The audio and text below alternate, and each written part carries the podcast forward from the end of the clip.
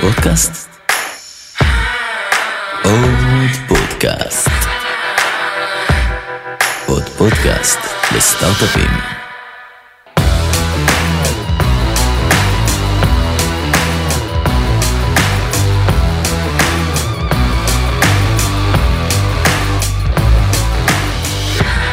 אהלן, אני ליאור אורי, אהלן, מה שלומך? נהדר. אנחנו בפרק 4 של עונה חמישית של עוד פודקאסט לסטארט-אפים, ברוכים הבאים כל מי שנמצא איתנו, ברוך הבא. תודה שאתם אה, מארחים אותי בעיר הגדולה. אני... תודה רבה שבאת, מנתניה, מתגורר בקרקור, אה, עובד בנתניה ובא לתל אביב. כן, הוצאתי את הפספורט, ארזתי טרולי. נתנו לך להיכנס, אה, לאט לאט. לאט לאט. אז בוא ספר קצת על עצמך ועל Outbrain, בעצם מי אתה ומה אתם עושים, למי שלא מכיר. אה, מי אני? אני אורי להב, אה, יזם שותף של אה, Outbrain. נולדתי, גדלתי בקיבוץ נחשולים, אני ביץ' בוי. עשיתי בצבא קורס חובלים, שם גם שת... פגשתי את השותף שלי, את מי שהיום. השותף שלי, ירון גלאי. וזהו, עבדתי בתעשייה משהו כמו שבע שנים לפני שפתחנו את Outbrain, לפני זה בחברה שקראו לה ויסופט, אחר כך אה, אה, בדיל טיים שהפכה לשופינג דוט קום, שנמכרה לאי-ביי. בואו נספר קצת על Outbrain, מה היא עושה בכמה משפטים ו- ומה הסטטוס של החברה היום, בכל זאת חברה שעברה דבר או שניים. אה, כן, Outbrain קיימת כבר 12 שנה, 12 וחצי. אה, אנחנו הת- התחלנו את החברה עם הדגל של בוא נעזור לכולכם, אה, לכולכם, לכולנו, להתמודד עם content overflow, עם אה, הרבה מאוד תכנים שככה צפים בעולם הדיגיטלי, ולעזור לנו, לכולנו, ל- לפלטר את הגלים העצומים של התוכן ש... שנופלים עלינו כל יום. אה, על הדרך אה, ככה הגענו לפאבלישרים, לעבודה עם פאבלישרים. אה, על הדרך זה אומר פיבוטים וכל מה שצריך, כל, כל מה שכולם עושים. וככה ברבות הימים פתחנו, הקמנו קטגוריה שהיא היא נקראת content discovery, content recommendations, שהיום הוא, הוא חלק מ advertising, אבל אה, אני חושב, מה מה זה אני חושב? אני יודע שעדיין רוב ה value שאנחנו מביאים למשתמשים, אה, הוא בכלל לא בתחום של, אה, של ה advertising, הוא, הוא בתחום של, של content discovery. תוכן שמעניין, רק בוא שנייה נסבר את האוזן, הרוב מכירים, אני מקווה ומניח, אבל אני נכנס היום אה, למערכת גלובס, שנותנים לנו פה גם במה, נכנס לכתבה באתר, ולמטה יש את העוד כתבות שאולי יעניין אותך לקרוא, נכון? זה Outbrain, בגדול. כן, זה... כשאתה מסתכל בישראל, אז זה נגיד אה, כל קבוצת הארץ ומאקו ועוד ועוד אה, פאבלישרים ש... שעובדים איתנו, כמוהם יש עוד המון ב... בכל העולם, אה, הרבה בארצות הברית, אירופה, מזרח הרחוק, אוסטרליה וכולי. וכמה כמה עובדים אתם, כמה גייסתם, איפה אתם יושבים בעולם? אה, אנחנו היום אה, בערך 700 אנשים, אה, ואנחנו יושבים בערך 15 משרדים בעולם, ככה בקטנה. ככה בקטנה. אה, מרכזים גדולים, הדקווטר בניו יורק, אה, והמרכז, רוב המרכז הטכנולוגי בישראל, יש לנו עוד אה, חלק אה, אה, בסלובניה, עם רכישה של חברה שעשינו שם. בקטנה. ממש בקטנה. אז בוא, אמרנו גם קצת, קשקשנו קצת לפני הפרק, אמרנו שבעצם נחזור לתחילת הדרך. אתה בסופו של דבר היית בת, בתעשיית ההייטק לא מעט שנים לפני שהתחלת להקים את האוטבריין עם ירון גלאי, וגם כשהקמתם את האוטבריין, בסופו של דבר זה היה חברה, מה שנקרא, אנחנו אוהבים להגיד, היא בנתה, אתה אמרת בעצמך במילותיך, בנתה קטגוריה, בניתם שוק. כל הנושא הזה של content recommendation או content discovery, שאתה מתאר אותו היום בצורה שהיא נורא ברורה, ל publisher, לאיזשהו מערכת עיתונות אה, אה, ארעית, היום זה, זה טריוויאלי שיהיה כזה מוצר, אז זה פשוט לא היה. איך אתה מסביר פעם אחת ללקוחות, שבכלל הם צריכים כזה דבר, אח- לפני שהיה להם, ושתיים, איך אתה מסביר לתעשייה, כיזם שבא לגייס כסף, לבנות חברה, לגייס עובדים, לגייס שותפים, איך אתה מסביר לכל הסביבה הקרובה שלך שיש פה צורך, אתם בעצם, אה, בעצם בניתם שוק. כן, אז אה, אתה נוגע בנקודה הזאת של אה, להסביר. אה, קודם כל אתה, אתה משתפשף בזה עם, ה, עם השנים, ואתה... הדבר הראשון שיזם צריך לעשות זה ללמוד לספר סיפורים, אוקיי? כי אה, אתה, יש לך את הסיפור שלך שאתה נורא מתלהב ממנו ומאמין בצדקת הדרך, אה, ועכשיו אתה צריך אה, אה, להתחיל לגייס סביבך עובדים ואחר כך משקיעים, או בהתחלה משקיעים ואחר כך עובדים, תלוי באיזה סדר. אני אוהב להגיד שיזמות זה חלום, ואחרי שהשתכנעת, פנטזיה, אחרי שהשתכנעת בה, אתה צריך אה, לגרום לכולם אה, לפנטז איתך. כן, זה- אז יש פה הרבה עניין של אה, אה, היכולת אה, לספר סיפורים ולמכור את החלום. אה, אני חושב שבעניין הזה, כאילו, אנחנו, אנחנו זכינו בירון שהוא אלוף בזה, אוקיי? אה, ואם יצא לכם לראיין אותו, רק תרוויחו. אתה אומר, נשמע סיפורים מעניינים. לגמרי, כאילו זה יהיה אחד ההיטים הגדולים שלכם, הפודקאסט הזה. אה, ו... וכן, ויצאנו, כשאנחנו מספרים את הסיפור הזה של איך, איך הגענו ל... ל... להבין שיש פה בעיה, אז כמובן שזה בעיה ש... content overflow זה בעיה שאנחנו לא תמיד שמים אליה, לב אליה, אבל היא, היא קיימת והיא היא מאוד מעיקה ומציקה. אבל בסיפור הקטן שלנו בעניין הזה, אז ירון ואני, כמו שאמרתי, הכרנו בקורס חובלים, ואחד הדברים שאנחנו מאוד אוהבים זה להפליג. אנחנו מאוד אוהבים אה, לצאת לים, והחופשות השנתיות שלנו, אפילו כשירון גר בארצות הברית ואני פה ב- בישראל, אנחנו אה, נפגשים בערך פעם בשנה ויוצאים להפליג, ובשנים האחרונות אנחנו מפליגים גם עם עוד יזמים ישראלים, פרויקט אחר. אה, אז אה, ככה ב-2004 אני חושב שזה היה בהפלגה השנתית שלנו. אה, אנחנו הוגנים כמובן במפרץ ציורי באיזה טורקיה או משהו כזה, ואז אה, אה, ירון עולה מה, מהקבינה עם סטפה של דפי A4 מודפסים. עכשיו, אני, אני רגיל שהוא עולה עם אה, מגזין, כי אני, אני יודע שהוא מת על צריכת uh, תוכן וכולי, ותמיד בהפלגות הוא היה מגיע עם מגזינים ו, וקורא, ופתאום הוא יוצא עם, כאילו, כמו חבילת A4 מודפס כזה, ואני אומר לו, ירון, מה, מה נהיה? לא חבל על יערות הגשם?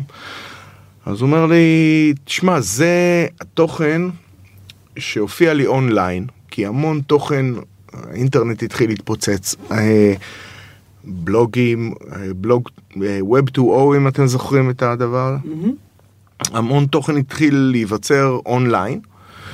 והוא אומר, זה כל התוכן שהופיע לי אונליין, והבאתי אותו כי אני, אני רוצה לקרוא. אמרתי לו, אתה הולך אה, לקרוא את כל הסטפה הזאת? אז הוא אומר, לא, אני הולך לקרוא רק את מה שמעניין. אז אמרתי לו, איך אתה יודע מה מעניין? אה, וירון שהוא בדרך כלל על כל שאלה תשובה, יש לו תשובה לכל דבר, לא הייתה לו תשובה והסתכלנו אחד על השני והבנו שיש פה איזושהי, איזושהי בעיה עם תוכן אונליין שאנחנו מוצפים, אנחנו לא יודעים מה מעניין.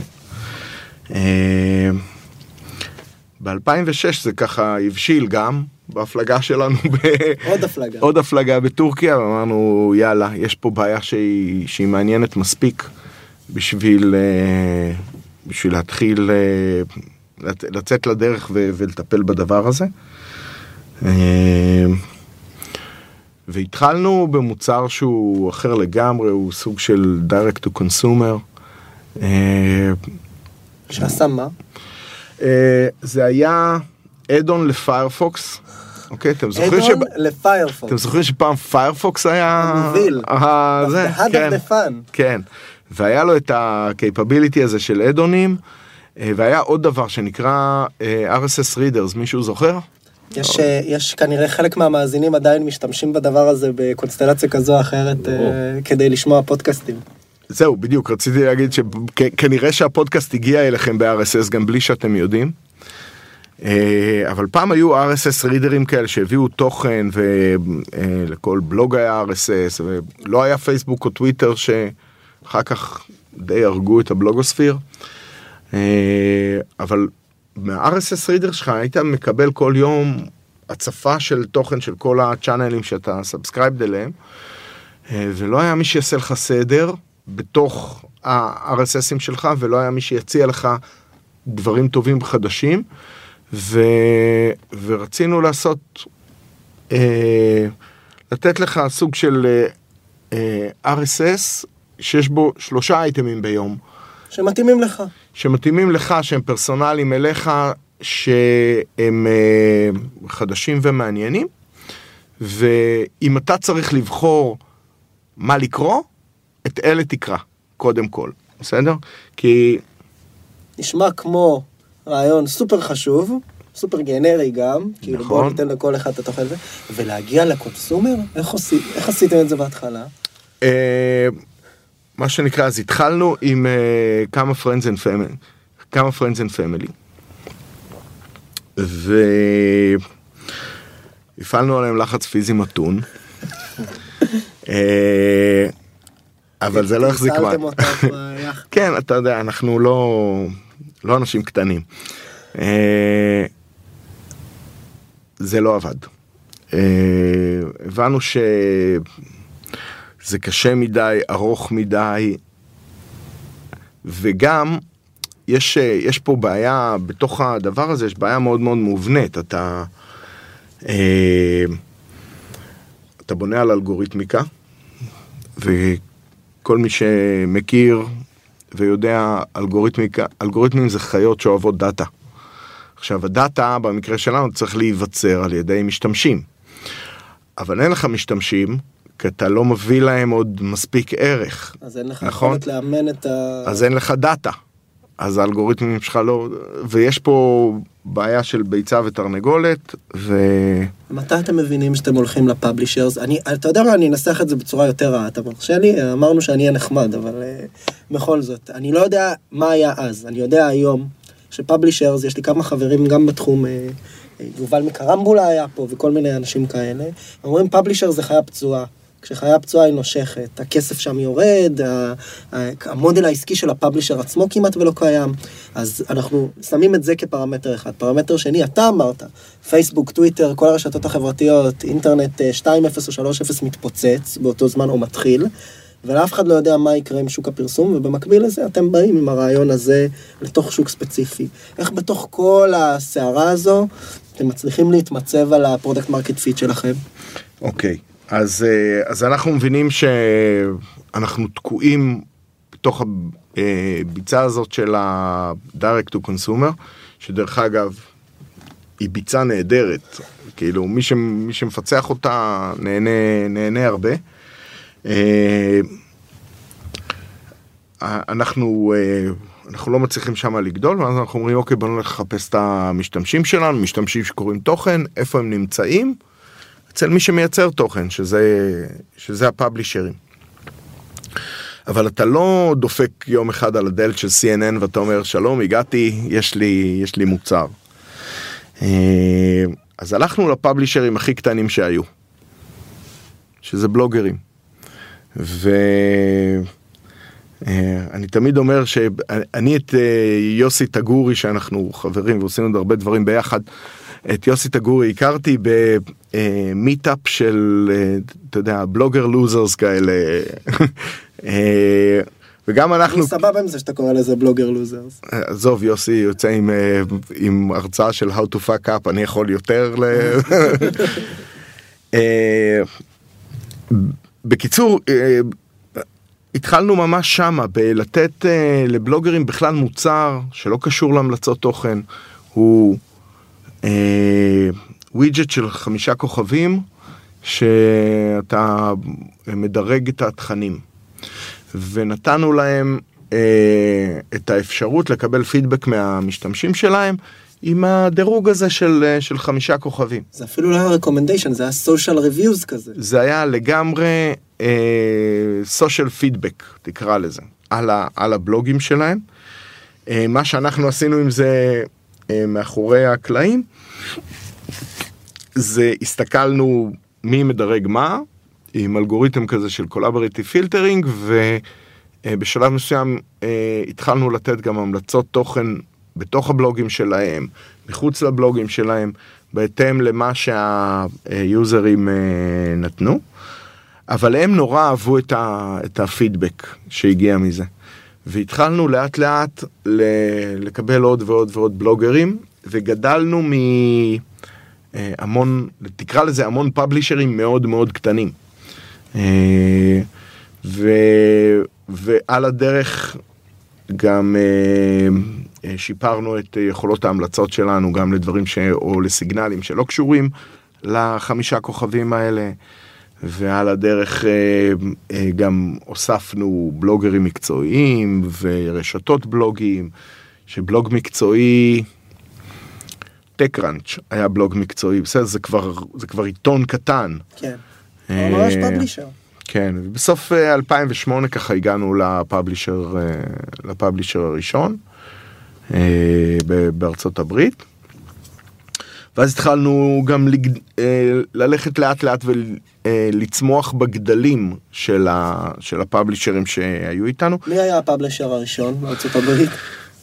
פאבלישר ממש עיתון היה שיקגו טריביון. אוקיי, שזה קבוצ... קבוצה. הוא חלק מקבוצת טריביון. נכון.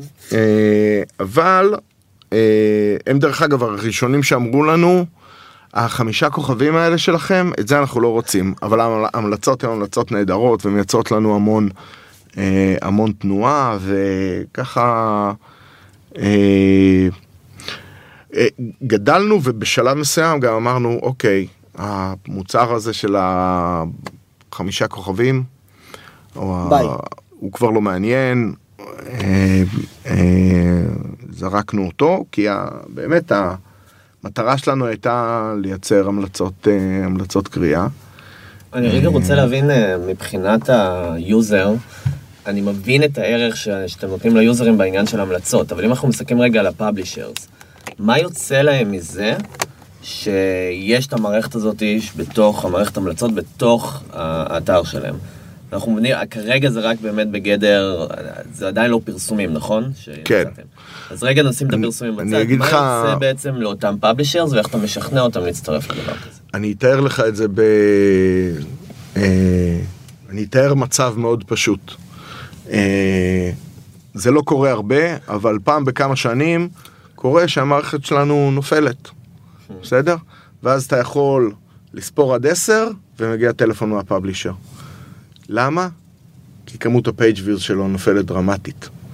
אה, הוא מקבל traffic circulation בתוך ה- האתר שלו, שהוא...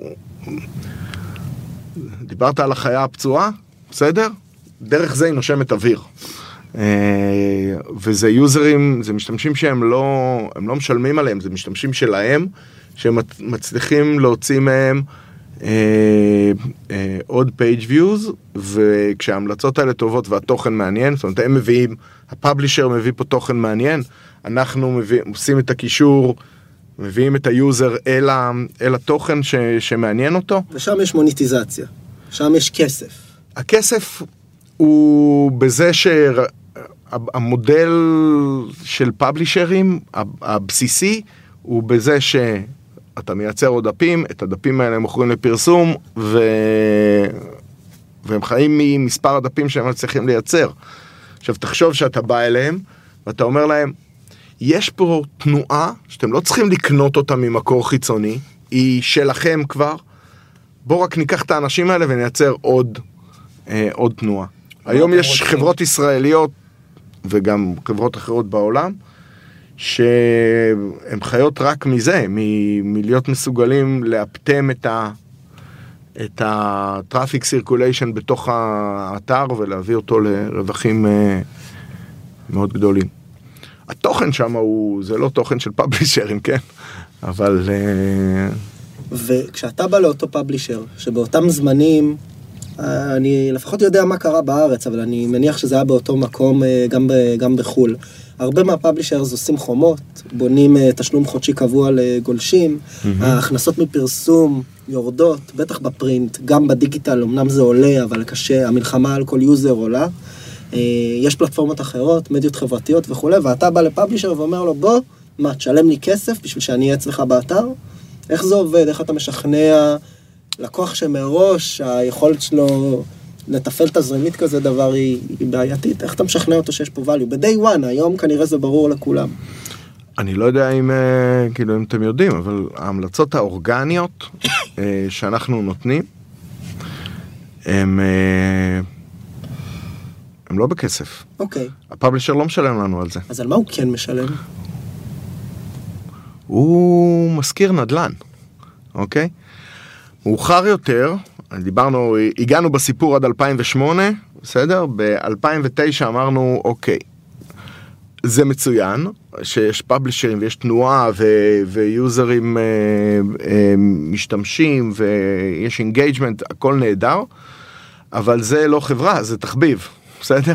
חברה, אה, בטח עם, עם המסע אה, הארוך, נגיד, ששמנו, שמנו אל מול העיניים שלנו, אה, חברה צריכה מודל עסקי וצריכה לייצר אה, אה, מוניטיזציה. כמובן שזה לא היה איזה תוכנית ששלפנו מהרגע להרגע, זה הגיע מ... כשהקמנו את החברה שנתיים וחצי לפני, כבר חשבנו, אוקיי, איך, איך בונים פה מודל עסקי כדי, כדי לממן את, ה, את המסע הזה. ו...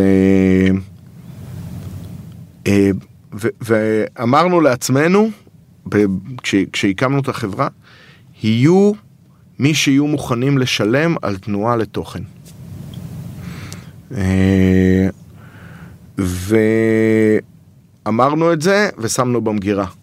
לא היה לנו ברור אה, מי יהיו האנשים האלה, כמה הם יהיו מוכנים לשלם, באיזה מודל, כל הדברים האלה, לא התעסקנו איתם. אה, השקענו בלהביא ערך לקוראים ול publisher ים בשלבים האלה. אה, וכשהגענו ל distribution שהוא מספיק גדול, אמרנו יאללה בוא נשלוף מהמגירה את מה ששמנו שם לפני שנתיים ו- ונתחיל לעשות על זה execution. בכל זאת, מה נתן לכם את הביטחון להגיד, אני שם את המוניטיזציה כרגע בצד? כי אם עכשיו סתם יזמים צעירים ששומעים אותנו, בסוף יש להם הרבה אינטראקציה עם משקיעים, והמשקיעים רוצים לראות מאיפה הכסף מגיע, ואיך עושים לזה מוניטיזציה. מה נתן לכם את הביטחון בעצם להמשיך הלאה עם האופריישן, לדעת שמתישהו הכל- הכסף will follow? שזה עוד פעם, בסוף נכון. קוראים לזה חזון וקוראים לזה אה, משקיעים ושותפים נהדרים ש... אה, מבינים ש... ש... שאתה חייב את זה, אתה חייב אה, לייצר ערך לפני שאתה ממנטז אותו, אוקיי? ומה- לפחות, ב... ואיך אתה לפחות בעולם שלנו. ואיך אתה יודע כמה זה מספיק ערך? מתי אתה יודע, אני חושב שגם בזה יש פה דילמה, הרבה חבר'ה שמתעסקים גם ב-B2B וב-B2B2C, אבל בוודאי ב consumer product, מה הם אומרים, אוקיי, אז אני לא אתעסק בכסף עכשיו, אני קודם אראה שאני מביא value, אז אני אבנה Outbrain ל publisher שבסוף עושה content recommendation ונותן את זה בחינם לכולם, באיזה שלב אתה אומר, אוקיי, חצינו את הרוביקון, מעכשיו הגיע הזמן לבקש כסף. אה, אז זה לא שאתה, את- במקרה שלנו, אתה לא מבקש כסף מאותו, על אותו מוצר, ואתה לא מבקש כסף, אה, זאת אומרת, אנחנו נתנו עד עכשיו מוצר לפאבלישרים וליצרני תוכן, אני לא בא ואני מתחיל לבקש מהם כסף, אני מתחיל לבקש המפרסם. ממפרסמים או אה, ישות שלישית, שאני בעצם מכניס ישות שלישית לתוך האקוסיסטם שלי, בסדר? אה, והטריגר בשבילנו היה פשוט גודל, כי מתחת לגודל מסוים אתה לא מעניין. אתה לא, כאילו, אין, אין יכולת להוציא אצלך scale. בסדר? כשאתה אה, מדבר על scale, בוא, שנייה במספרים מבחינתכם, התחלתם לעבוד פה עם publishers בארץ, עם publisher ים בארצות הברית, מתי הבנתם ש... מה היה הנקודה שבה publishers אמרו, אוקיי, זה גודל שמעניין אותי, 200 מפרסמים אמרו שזה... או מפרסם? מפרסמים אמרו זה גודל שמעניין אותי. אנחנו התחלנו לעניין אותם אה, בגודל של אה, 100 מיליון page views בחודש. שהיום אנחנו מסתכלים על זה וזה כאילו, אנחנו אומרים באמת, כאילו אז, אז היינו כל כך נאיבים. אה, כן, היינו נאיבים. אה, והתחלנו לצאת למסע הזה, אמרנו אוקיי, למי יש אה, תכנים, לא, אני לא אעלה פה בכל הסיפורים, נכשלנו שלוש פעמים, סליחה, נכשלנו פעמיים, אה, והפעם השלישית, אה, או המודל השלישי שלנו, אה, התגלה, מה שנקרא, התגלה באקראי. אנחנו בכלל בשוק של גילוי באקראי, בסדר? דיסקאברי וכולי, serendipity של תוכן. אבל אחרי שהלכנו לשני מודלים שבהם יש אה, אה, קהלים שונים ומודל עסקי שונה, אה, כדרך אגב, דיברנו עם, עם publisher ים ואמרנו להם, אתם יודעים, זה המודל העסקי שלנו, בסופו של דבר אנחנו נהיה, אנחנו ואתם, הפאבלישרים, נהיה שותפים. אה, אנחנו נרוויח מה... אם מפרסם צד שלישי ששם את התוכן שלו צד אצלנו? שלישי ונתחלק ברווחים. אוקיי. בסדר? אה, מודל פשוט, ואז הם, הפאבלישרים גירדו בראש ואמרו, תגידו, גם אנחנו יכולים לקנות אצלכם ב- ברשת? אז היינו די מופתעים, אבל אמרנו כן, אה, אין, אין בעיה, ו, והם התחילו לקנות. ודבר שאנחנו לא האמנו בכלל שיקרה, גם כי אנחנו ישראלים, אה, ו- והם משחקים בונקר כל הזמן, אמרנו גם הפאבלישרים ישחקו בונקר, לא היו מוכנים להעביר את היוזרים שלהם מאחד לשני. אה, ולא לא חשבנו בכלל להציע כזה אה, מודל עסקי.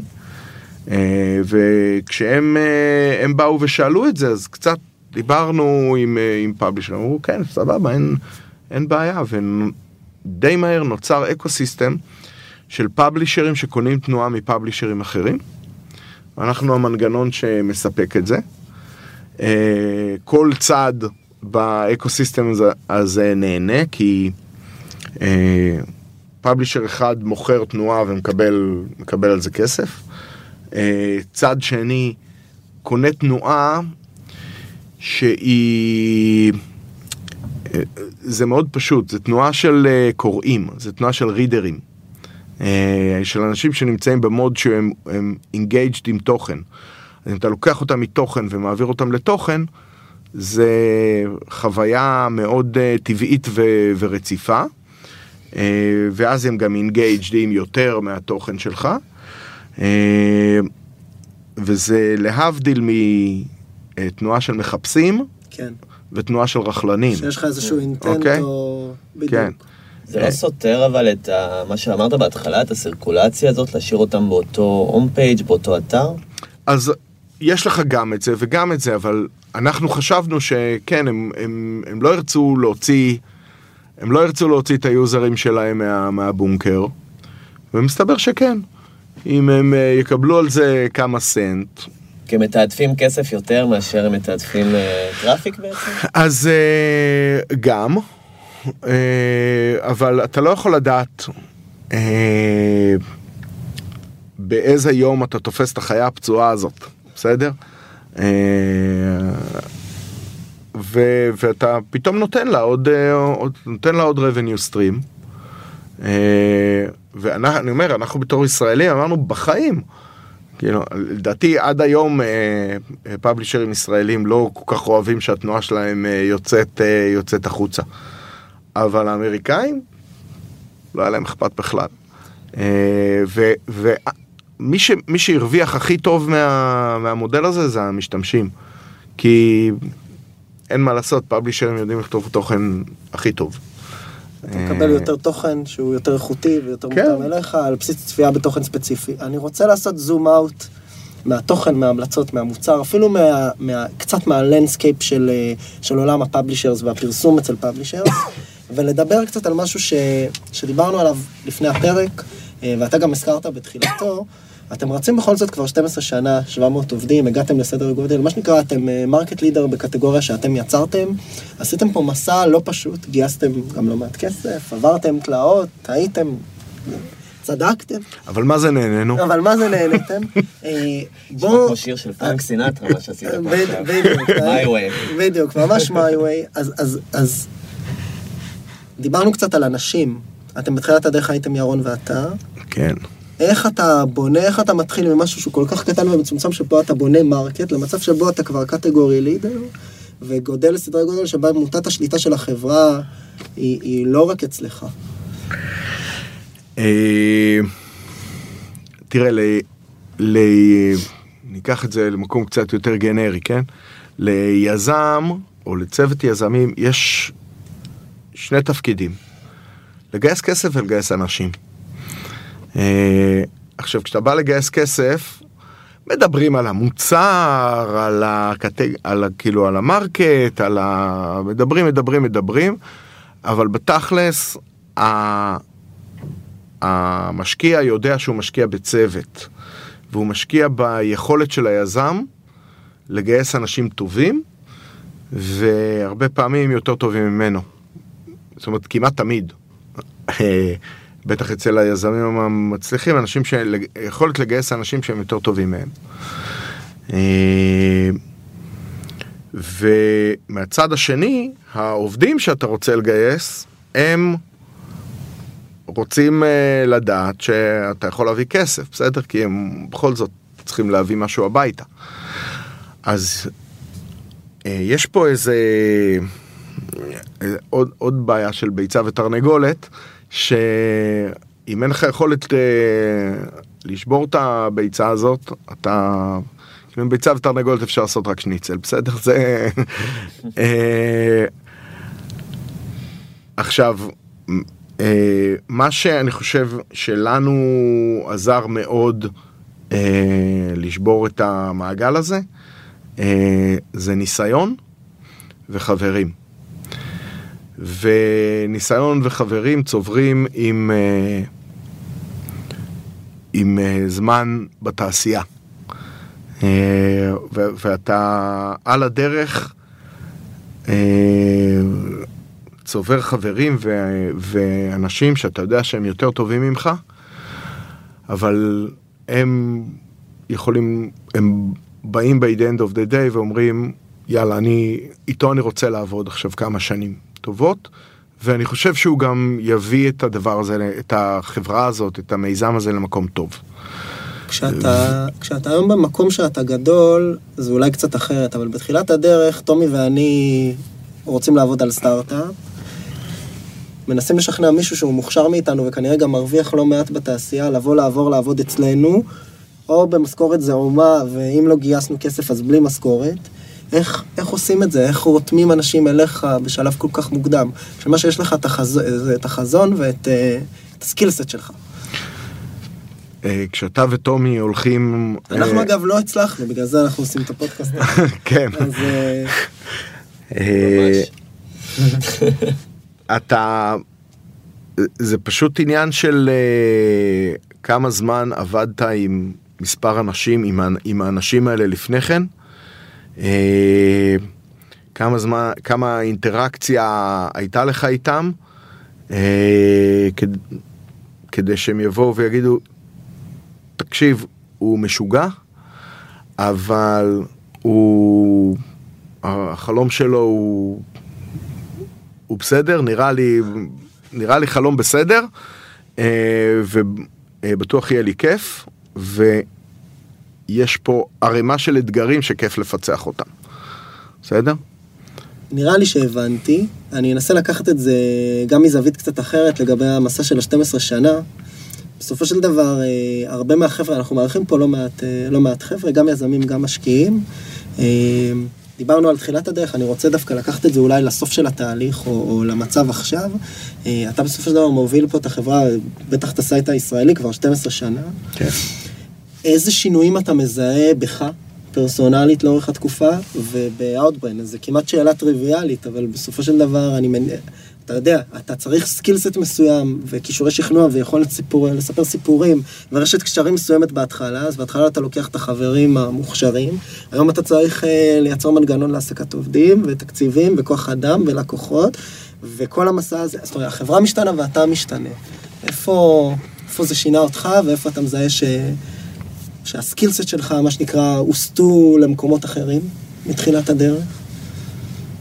אין ספק בכלל שזה זה מסע מטורף שמצמיח אותך, ה, ה, ה, ה, היזם, ספציפית, זה, זה מצמיח אותך בסדרי גודל. ברמה האישית? ברמה האישית, כן.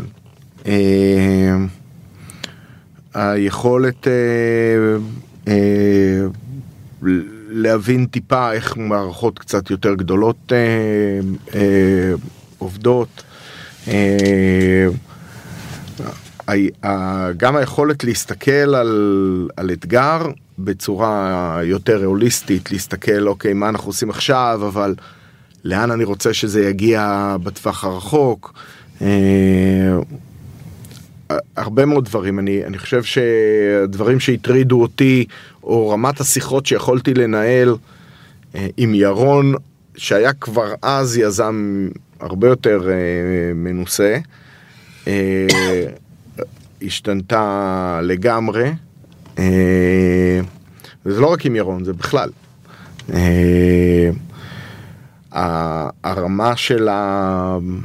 דברים שאתה מתעסק איתם, אתה בשלב מסוים אה, אפילו אה, אתה יזם או מנכ"לים או אתה מפסיק אה, אתה מפסיק לעבוד בלייצר מוצר, אתה מתחיל לעבוד בלייצר ארגון. Mm-hmm. כי כבר יש לך אנשים שהם הרבה יותר טובים ממך, שידאגו למוצר וידאגו ל... אה, לביזנס ודרך אה, אגב אם אתה מביא אנשים יותר טובים ממך כדאי שתיתן להם לעבוד כי אחרת בשביל מה הבאת אותם. אני אשמח לשאול אותך דווקא על תעדוף. בתור אחד שמת, שמשיט ספינות, או יאכטות, אני לא יודע מה זה, אבל זה משהו שהוא באמת אה, משהו מאוד חשוב. ואני רוצה דווקא להתחיל באלגוריתם של, של Outbrain, בסוף, בסוף היום, המטרה שלו זה להחליט מה חיוני בין כל הדברים הטריוויאליים. וכאנלוגיה בעצם לאיך שאתה היום תופס את החברה, יש כל כך הרבה דברים שבעולם דינמי שאנחנו חיים בו, שצריך לעשות אה, בעתיד. כל כך הרבה דברים, כלומר, מה, מה הדבר הבא ולאן הולכים, והאם הולכים לוידאו, והאם הולכים ל-voice, וכל כך הרבה דברים שצריך להחליט אה, בניווט הספינה הזאת. איך אתה מתעדף, איך אתה מקבל את ההחלטות האלה בעצם ביום-יום? אה, באותה צורה כמו שהאלגוריתם של, של Outbrain בעצם יכול לקבל, אתה מקבל איך להניע את העובדים שלך ביום-יום מבחינת התעדוף של זה. כן, אז יש כל מיני, אה, כל מיני דברים שעוזרים לך. אה, אחד הדברים שעזרו לנו אה, זה לשים מגדלור. זאת אומרת, תמיד להגיד, תמיד, תמיד לחזור לשאלה שבגללה הקמנו את החברה, או למשימה שבגללה אה, הקמנו את החברה, וזה לעזור לאנשים למצוא דברים מעניינים ברשת, אוקיי? אה, עם, עם השנים, בטקטים של, של כמה שנים, אתה עושה לזה אה, מה שנקרא word smithing ל mission statement הזה, כי אתה מתאים אותו טיפה ל... למציאות, אבל הרוח שמאחוריו היא אותה רוח. אה, ואתה מדבר עליו כל הזמן עם העובדים. אה, הסיבה שאתה מדבר עליו עם העובדים, כי זה היכולת שלך לעשות scaling לקבלת החלטות. בסדר? אתה אומר להם, "תב- תבחנו כל החלטה שאתם אה, לוקחים אל מול המגדלור הזה. כלומר איזה מין essence כזה שיש לחברה והיא מתקשרת אותו כל הזמן? כן, כן. מה במקרה של אה, Outbrain? מה אז כמו פה? שאמרתי, אנחנו הקמנו את החברה כדי לעזור לאנשים לגלות, אה, לגלות דברים מעניינים. וכשאתה מסתכל על החמש שנים הקרובות, ואיך שהצריכת תוכן הולכת להשתנות, ולאן שהצריכת תוכן מגיעה, איך בעצם Outbrain הולכת להיכנס ולהשפיע? Outbrain הגיע לשם כי צריכת תוכן אה, הייתה בעיה, אוקיי? אה, וכי צריכת תוכן, אה, אופי, אופי צריכת התוכן אה, השתנה, וגילינו מפולות של, של תוכן שמישהו צריך לברור בתוכם. אבל אחד הדברים היפים ש... שאנחנו רואים היום בצריכה של תכנים ובטח פרסום, זה שיש המון תנועה לכיוון ה... אה, המדיה שבה אני בוחר מה אני צופה, ופחות... אה, אי אפשר יותר לדחוף לי פרסומות, אתם יודעים מה קורה כש... ומה עם מדיומים שונים? היום העולם הולך יותר לוידאו, למקומות כאלה, איפה זה פוגש אתכם? אנחנו לגמרי בווידאו, אה, זה תחום תוכן ש, שמאוד מעניין אותנו, וגם שמה,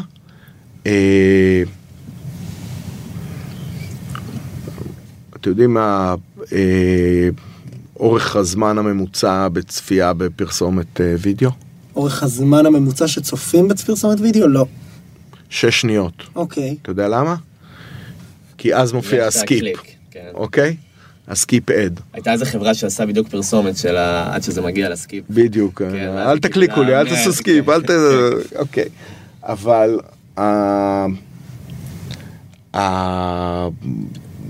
המדיום הזה שמגיע באמת כאילו מהפרסומות פרסומות בטלוויזיה, מה קורה כשאתם מגיעים להפסקת פרסומות בטלוויזיה? קמים להכין סנדוויץ'. נכון? או ישר מוצאים את ה... את ה... אה, נו, את הטלפון ומסתכלים מה קורה.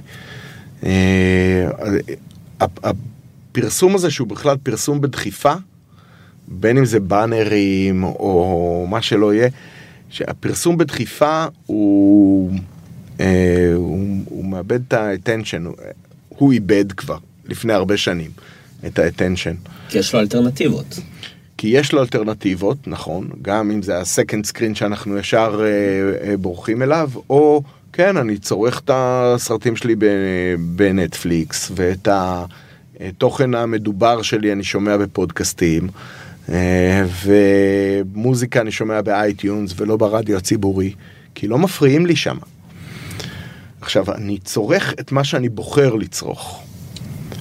ואנחנו, גם במודל העסקי הכללי שלנו, אנחנו אומרים, בוא, אנחנו, אנחנו נביא לך פרסום, אבל כזה שאתה בוחר לצרוך אותו. ואם המפרסם אה, מפתח תוכן משמעותי, אה, אנחנו נהיה שם כדי להביא לו את, ה, את הקהל.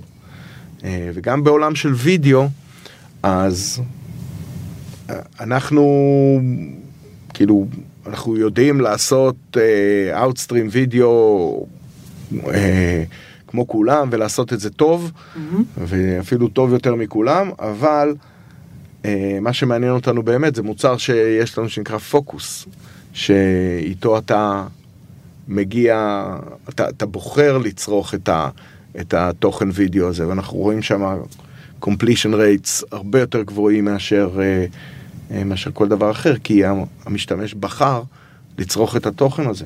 כן. ככה עזרנו לנטע להגיע ל...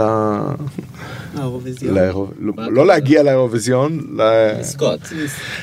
כן. מה זאת אומרת? אה, לא, עשו, היה אה,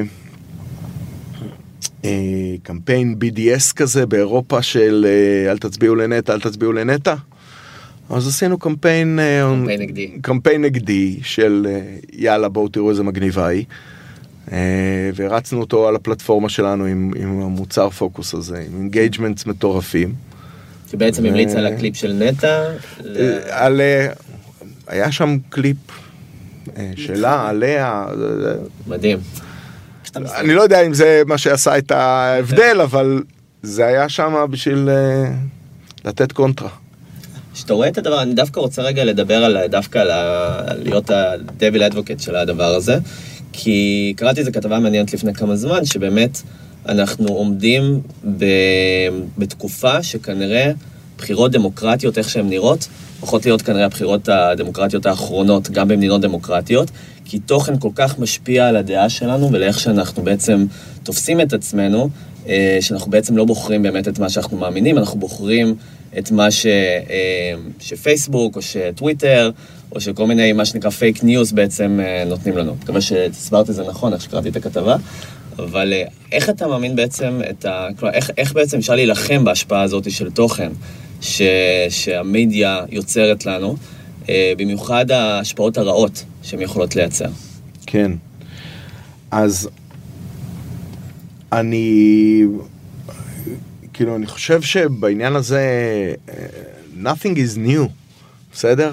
כאילו, תוכן אה, מעולם היה אה, מקום להעביר אה, מסרים ולהעביר אג'נדות.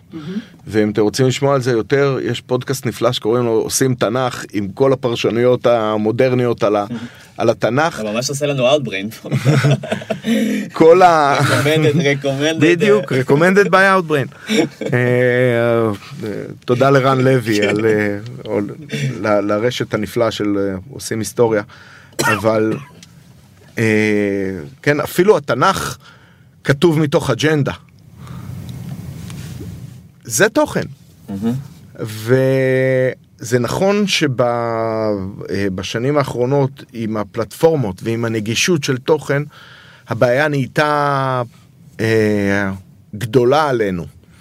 אבל, אה, אבל, אבל זה כאילו זה תוכן תמיד כל, כל פיסת תוכן אה, כתובה או מובאת מתוך, אה, מתוך אג'נדה מסוימת כל ספר שאתם לוקחים כתוב מתוך אה, אה, זווית הראייה של, ה, של הסופר. אז אה, יש לכם כמערכת המלצות תוכן איזושהי אחריות מסוימת בתוך הדבר הזה? אז בודקים מה עולה, מה מפרסמים? כן, אנחנו, אנחנו משקיעים לא מעט בקונטנט ריוויו. אה,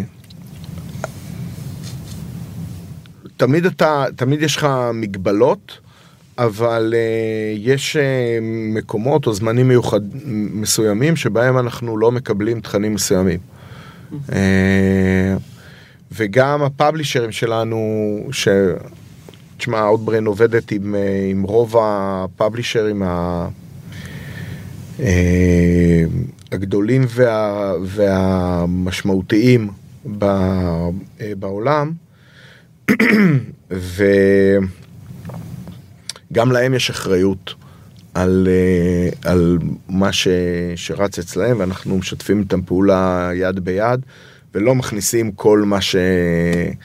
בוא נגיד ככה, 40, פחות או יותר 40 אחוז מהתוכן שמוגש אלינו אנחנו פוסלים. זה, זה הסקלות. אה, כי אחרת אתה מאבד את ה... אתה מאבד, אתה תאבד גם את המשתמשים. כן. אה, יש לכם ילדים? לי יש, קטן מאוד. אוקיי, אז, עדיין לא קורא תוכן. אז הבת שלי מתגייסת החודש, מזל טוב. אה, ואתה רואה אצל הנוער כמה הוא מתחיל אה, להבין את העולם החדש של המדיה החדשה ולהתייחס בערבון מוגבל לכל מה ש... לכל התוכן שמוגש אליו, אה, וזה בסדר, ועדיין תוכן יכול להיות אה, מאוד inspiring בשבילו. אה, אתמול ניגש אליי הבן שלי, הוא בן 14, אומר לי, כנס ליוטיוב, תקיש את אה, זה וזה. סרט נהדר של אה, כל ההיסטוריה של איך, איך הגיע העולם עד, אה, עד, ל, עד לפה.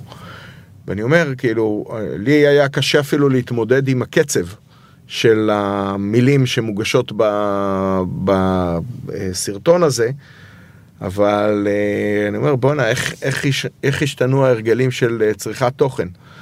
וזה טבעי, אבל הם... אנחנו לא, אנחנו לא מפסיקים אה, לצרוך תוכן. כי מאז שאנחנו מאוד קטנים, אנחנו מאוד אוהבים שמקריאים לנו סיפורים. וש... שמגישים לנו תוכן. ומסרים עוברים בעולם על ידי תוכן, אין מה לעשות. נראה לי שבנימה אופטימית זו נשאל שאלה אחרונה. אתם אה, פה 12 שנה, מה התוכנית ל-12 שנה הבאות? אה, קודם כל, תמיד כשאנחנו מדברים על המגדלור שלנו וזה, יש אנשים שאומרים, חבר'ה, חבר'ה, זה לא מגדלור, זה כוכב. כאילו, יש לכם עוד הרבה זמן אה, עד, ש... עד שתגיעו לשמה. אה, וכמו שראינו ב-12 שנה הקודמות, כשאתה אתה עושה תוכניות זה יפה, אבל ברור שאתה תצטרך אה, לשנות אותם. מה שחשוב זה לאן אתה רוצה להגיע. אה, וכן, אני, אני חושב ש... ב-12 שנה הבאות, Outbrain בטח תיתן אה, אה, לאנשים הרבה יותר יכולות להגיע אה, גם לתכנים, אבל גם ל-discoveries נקרא לזה, אה, שהם אה, הרבה יותר משמעותיים בשבילם. ל- לייצר את הוואו מומנט הזה שבו אתה אומר וואו, לא ידעתי שזה קיים, לא יודע, לא, לא גיליתי את הנקודת מבט הזאת. היה מעניין, אורי, בנות הזה היה מעניין. היה מעניין, תודה רבה. אה, תודה רבה. בכיף, תשמעו, עושים היסטוריה. לגמרי.